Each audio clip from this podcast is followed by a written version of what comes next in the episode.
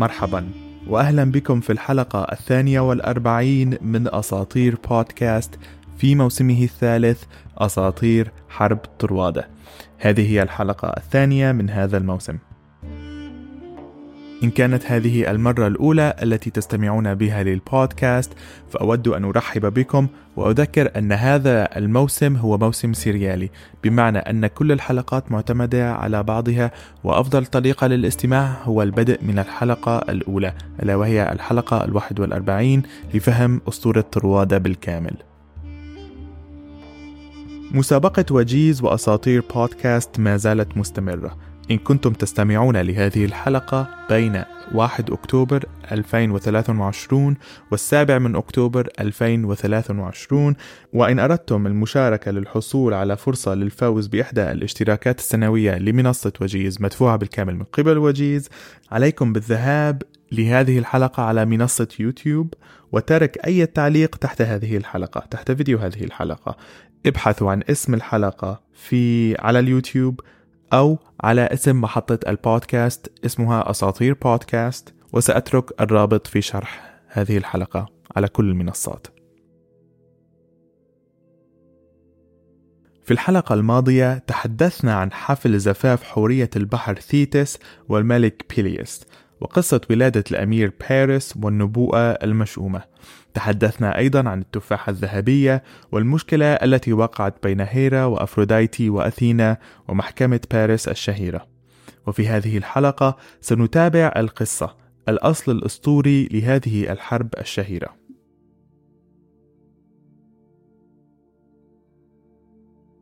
أهلا بكم في الحلقة الثانية والأربعين من أساطير بودكاست أساطير حرب طروادة عنوان هذه الحلقة هو تجري الرياح بما لا تشتهي السفن.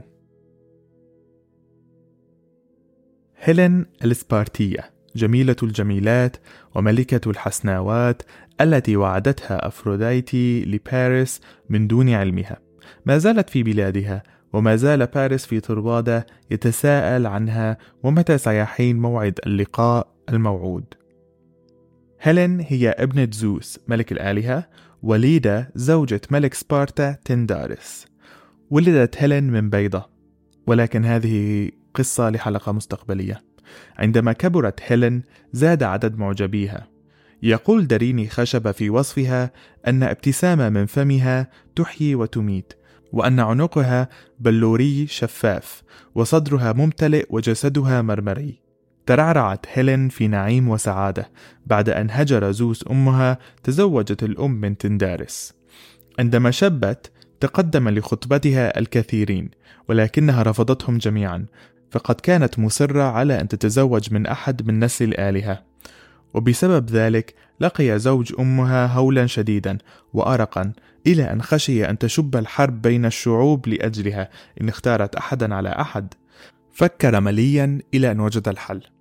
أقام حفلا شائقا دعا إليه كل من تقدموا لطلب يد هيلين وبالغ في إكرامهم والاحتفاء بهم ثم خطب بهم فتحدث عن فتاته وما كان من أمر خطبتهم لها وعدم التوفيق في إنجاز شيء مما أقدموا له واختلفوا فيه فقال أفإن بدا لهيلين يا سادة أن تختار أحدكم ليكن زوجا لها من دونكم انقلبتم على أعقابكم وثرتم بمن يقع عليه اختيار الفتاة فقتلتموه أو فضحتموه في عرضه. وجعلتم اسم هذا البيت الكريم مضغة في أفواه الهيلانيين وجيرانهم. الهيلانيين هم الأغريق. إنما نريد أن نتقي هذا الشر فلا يستطير ونتدارك الأمر فلا ندعه همجية بيننا ولن أكفلكم في سبيل ذلك شططا. طبعا أنا هذا المقطع أقرأه مباشرة من كتاب داريني خشبة قصة طروادة. يمين يا سادة صادقة تقسمونها فتكون عهد الوفاء بيننا أن ترضوا جميعا ما ترضاه هيلين وأن تكونوا يدا على من يحنث ولو كان أعزكم جانبا وأكثركم قوة بل لنتفق جميعا على أمر يكون أعم مما أشرت إليه أن نكون يدا على من تحثه نفسه بالإضرار بهيلين أو بسبيبها. فقد تحدث إلي من عنده علم أن بعضكم ينتوي هذه النية السوداء ينتوي أن يسرق هيلين إذا لم يكن من حظه أن يقع اختيارها عليه ليكن بعلا لها. وأنتم السادة النجب من علية الإغريق وجيرة الأولمب أفترضون أن يحدث في أمر كلكم شاركتم فيه من قبل؟ وطبعا يجيب المدعوين جميعا حاشا لنقسم جميعا. هذه ترجمة دريني خشبة. وفي رواية أخرى قال تندارس أن هيلين ستتزوج أغنى الرجال الرجل الذي يستطيع أن يعطيها أجمل وأغلى الهدايا. وطبعا مناليس قام بذلك وتزوج من الجميلة هيلين. أو على حسب الرواية الأولى أن هيلين اختارت مناليس والجميع رضي بذلك فهم أقسموا على احترام قرار هيلين. ليس ذلك وحسب بل أقسموا أنه لو حصل لها أي شيء كالخطف على سبيل المثال فهيلين قد خطفت من قبل فهم سيحملون السلاح لردها إلى بيتها. مضت السنين وتوفي تندارس وجلس منيليس زوج هيلين على عرش سبارتا وأصبح ملكا لها وهيلين أصبحت ملكة أسبارتا وأنجبوا ابنتهم هيرمايني. هيرمايني كاسم بطلة هاري بوتر.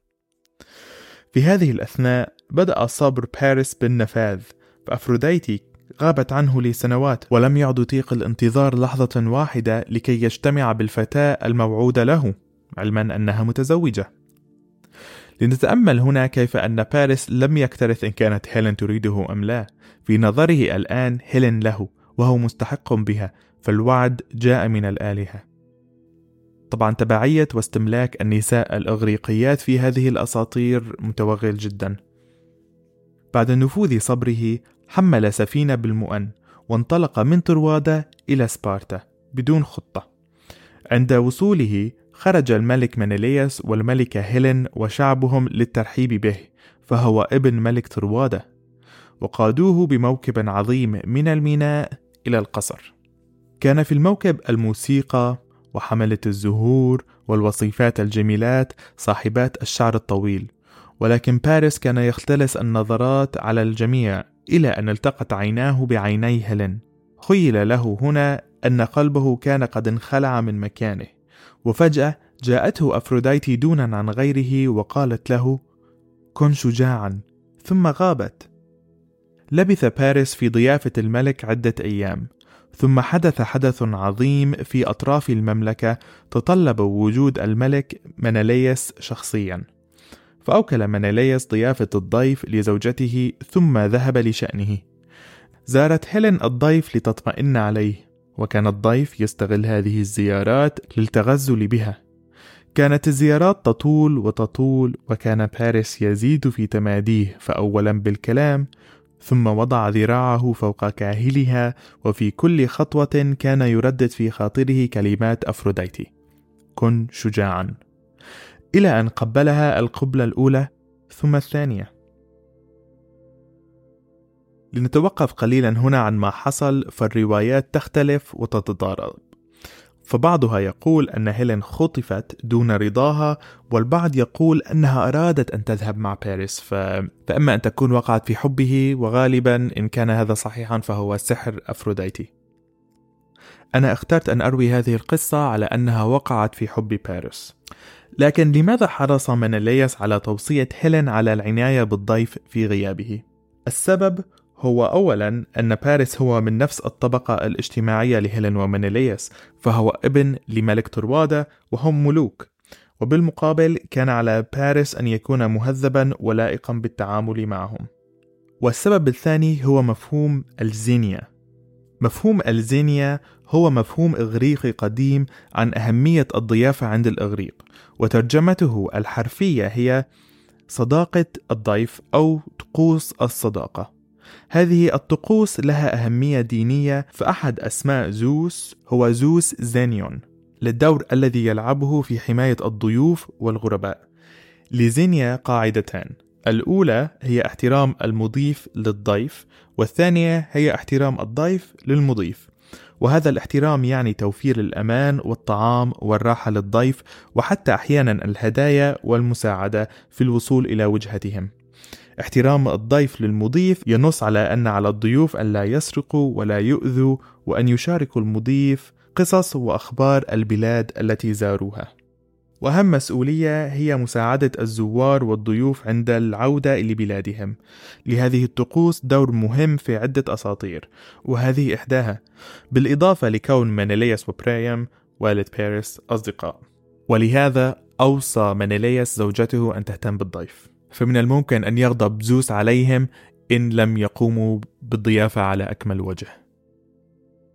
في المساء سأل باريس هيلين إن كانت تريد الهرب معه ووافقت على الفور. فذهبوا إلى سفينته الراسية وأبحروا باتجاه طروادة تحت خلسة الليل. كما قلت أن المصادر تختلف ولكن إن شاهدتم أي فيلم أو ولكن إن شاهدتم أغلب الأفلام والمسلسلات عن هذه القصة فأغلبهم يقول أن هيلين ذهبت مع باريس طواعية. وطبعا باريس قبل أن يرحل لم يسرق فقط هيلين بل سرق عدة من ممتلكات مناليس مثل أدوات الطعام الذهبية وشراشف الطاولات المطرزة ومنشفته الأرجوازية الملكية بالإضافة إلى زوجته. مما يجعله في خلاف مباشر مع طقوس الضيافة. عاد مناليس من رحلته وليته لم يعد فقد فقد صوابه عندما علم ما حل بقصره في غيابه.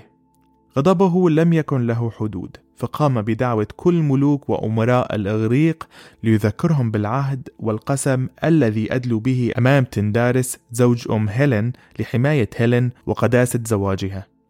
وفعلا وفوا بالعهد واجتمعت ألف سفينة لمحاربة طروادة واسترجاع هيلين. اجتمعت السفن في مدينة أوليس وكان على متنها أشجع وأقوى الرجال.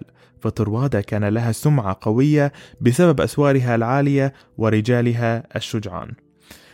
طبعا سبب مهم في تجمع كل هذه الجنود هو أجاميمنون أجاميمنون هو هو أخو منيليس وهو قائد حربي ماهر جدا. من بين جميع ملوك الإغريق كان الملك أوديسيوس ضد هذه الحرب ولكنه كان موجودا عندما ألقي القسم وكان أحد الرجال الذين أقسموا على حماية هيلين. ولكن بالإضافة على عدم امتنانه للمشاركة بالحرب أخبرته العرافة أو الأوراكل أنه لو شارك بهذه الحرب فإنه لن يعود لداره لعدة سنوات طوال. وزوجته وعشيقته بينيلوبي كانت قد وضعت مولودها الأول تيليماكس منذ فترة قريبة وما زال رضيعا ولكن كيف سيخرج من هذا المأزق؟ عليه أن يتظاهر بالجنون.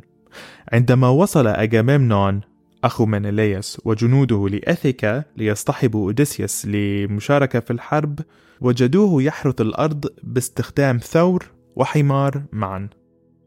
أظن أن استخدام ثور وحمار معا ليس بالأمر الجيد عند محاولتكم لحرث الأرض. وزيادة على ذلك بدل أن ينثر البذور في الأرض كان ينثر الملح.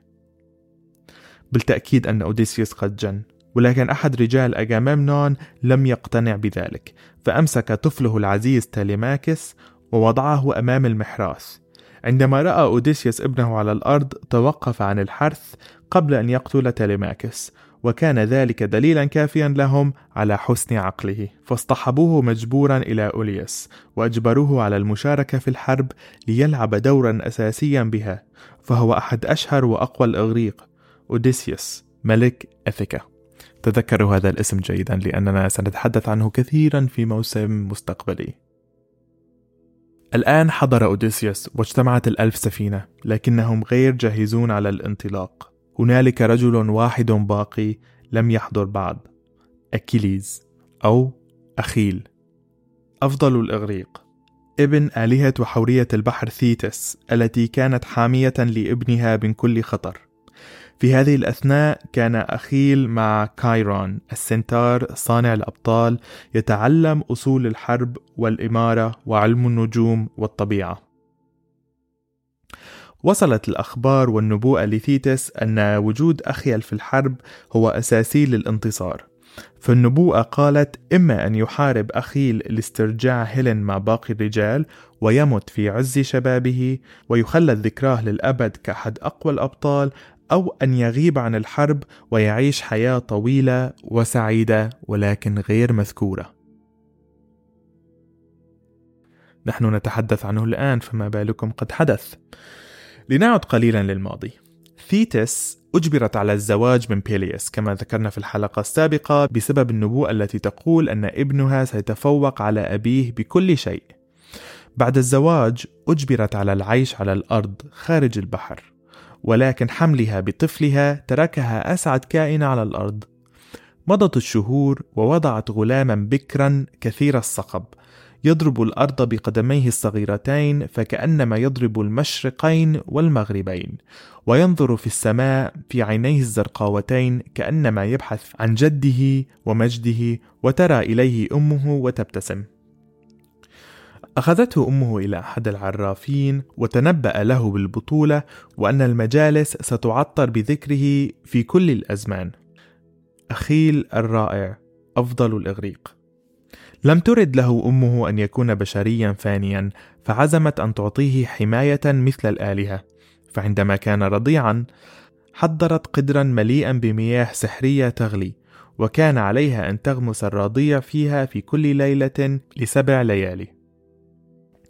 كانت تمسك أكيليز أو أخيل من عقب قدمه اليسرى وتغمسه بالقدر الذي يغلي وبذلك يغطي الماء المبارك جسده بالكامل ما عدا عقب قدمه اليسرى. والعقب هو هذه العضلة أو الغضروف لا أعلم ما هو الذي يقع فوق كعب القدم بالضبط. لين قليلا إذا كنتم إذا لمستوه. فعلت ذلك لستة ليالي وفي الليلة السابعة دخل عليها الملك بيليوس ورأى ابنه الرضيع في قدر الماء المغلي فصاح في زوجته المباركة مما أربكها ولم تعد قادرة على إتمام العملية بالكامل. والآن أكيليس تقريبا محمي أي جسده, جسده بالكامل محمي ما عدا عقب قدمه. كل الجسد محمي ما عدا تلك المنطقة التي لم تغمس. ليس بأمر سيء إن أردتم رأيي. في رواية أخرى كان على ثيتس أن تغمس الصبي في نهر ستيكس في عالم الأموات. قامت بنفس الخطوات وغمست سائر الجسد ما عدا عقب القدم اليسرى فكانت تستخدم سبابتها وإبهامها لحمل الصغير ووضعه في الماء. كما ترون ثيتس حضرت ابنها وجهزته ليكون أفضل الإغريق فلا عجب أن أجاممنون أراده مع الجنود ولا عجب أيضا أن ثيتس اختارت أن تحمي ابنها من الحرب والموت المحتم كما أخبرتها العرافة. أظن أن الحياة السعيدة الطويلة الغير مشهورة أفضل من الحياة القصيرة التعيسة المشهورة. اختارت ثيتس أن تحمي ابنها من الحرب والموت المحتم كما أخبرتها العرافة. لتحمي ابنها أخذته من رعاية كايرون ال centaur ألبسته ملابس فتاة ووضعته على جزيرة سكايروس تحت اسم بييرا الذي يعني صاحبة الشعر الأحمر. تحت كنف الملك لايكوميدس بين بناته. طبعا أخيل وافق على ذلك. جميع سكان الجزيرة كانوا على علم أنه صبي وحتى أنه رافق إحدى بنات الملك وأحبا بعضهما البعض ولكن الجميع وافق على كتمان السر أمام الغرباء. في هذه الأثناء بدأ صبر أجامemnon بالنفاذ في الجميع بانتظار أخيل أخيل أو أكيليز. تبرع أوديسيوس بالبحث عنه وجلبه للانضمام للحرب فكل الذين ذهبوا باحثين عنه عادوا خائبين. رافق أوديسيوس أدهى الإغريق نستور وفينيكس وداياميتس ما لا تعرفونه عن أوديسيوس أنه مكار. فاختلط بحاشية القصور إلى أن وصلته الأخبار عن مكان أخيل وطريقة اختبائه. فكر بحيلة ثم جمع بصندوق كبير أحلى وأجمل التحف. وضع بالصندوق حرير الشام وتصادير فارس وشرفيات الهند وأنفس الأشياء من كل البلاد أخذها وذهب بها إلى جزيرة سكايروس. دخل بها إلى قصر الملك وفتح الصندوق أمام بناته وأدهشهم بما فيه من كل البلاد. أمسكت إحدى الفتيات الصباغ المصري والأخرى الحرير الشامي ثم اقتربت فتاة مخمرة ذات عينان زرقاوتان لم تكترث لأي شيء سوى أحد السيوف. أمسكته وبدأت تلوح به في الهواء وتلاعبه بمهارة. اندهش أوديسيوس مما رأى فهو أحد أشهر الأبطال ولا يمتلك تلك المهارات. وفجأة قام على قدميه وصاح بصوته الجهوري أخيل! توقف الكل في صمت ودب الرعب في قلب أخيل ثم قال بكل برودة نعم أنا أخيل. عندها طلب أوديسيوس منه أن يرافقهم للحرب. وجرت مشادة كلامية بين أوديسيوس وأخيل تظاهر فيها أفضل الإغريق أنه ليس على علم بالحرب. في النهاية وافق على الذهاب معهم إلى أوليس تاركا وراءه عشيقته الحبلة التي ستلد لاحقا ولده نبتولمس في رواية أخرى افتعل أوديسيوس أنهم في خطر وقفز أكيليز لمساعدتهم وبذلك اكتشفوا أنه صبي وليس فتاة. متنكرة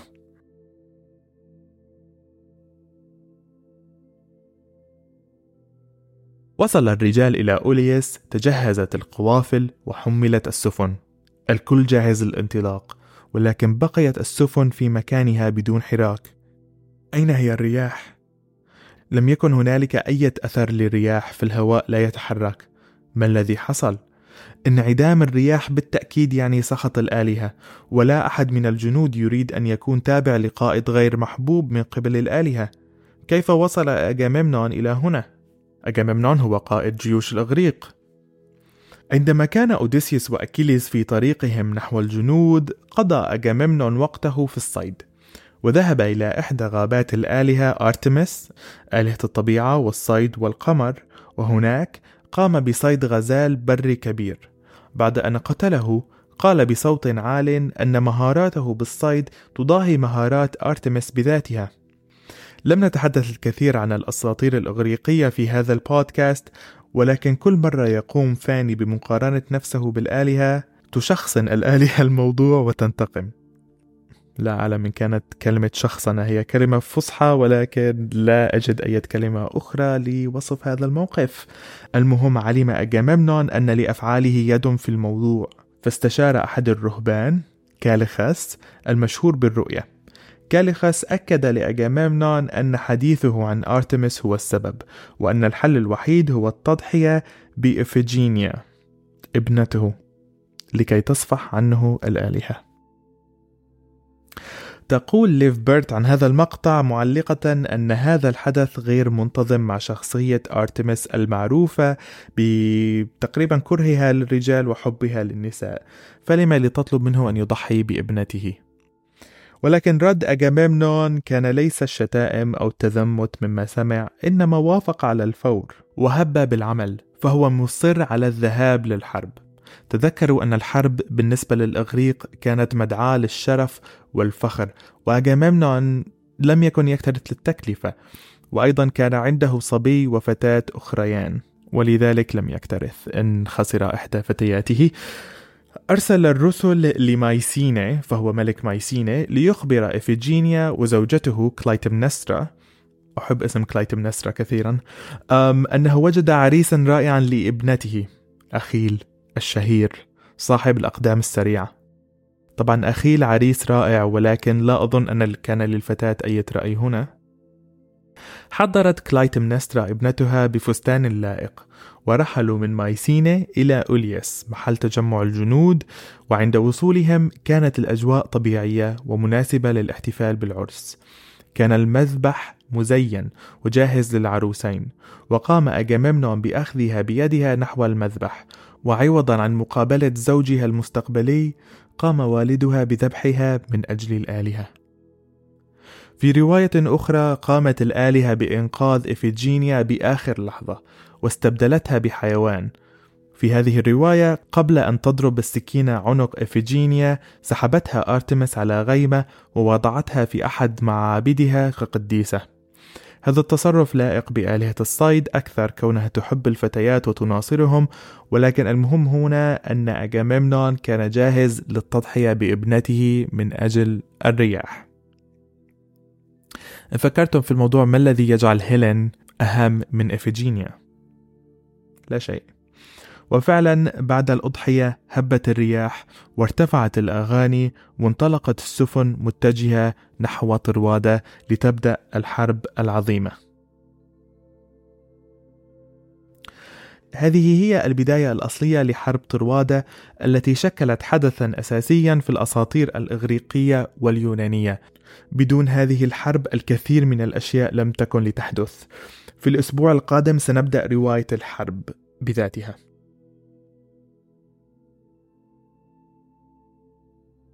أتمنى أن تكون حلقة اليوم قد نالت إعجابكم. لا تنسوا متابعة البودكاست على المنصة التي تستمعون وتقييم البودكاست على Spotify و iTunes أو أبل آه، بودكاست في أي مكان تستمعون له. آه، وأيضا تابعوا البودكاست على مواقع التواصل الاجتماعي وشاركوه مع أهاليكم وأصدقائكم المهتمين بالأساطير. وحرب طروادة اسم البودكاست هو أساطير بود في كل مكان A S A T E E R P O D. لا تنسوا أن المخيلة أهم من المعرفة.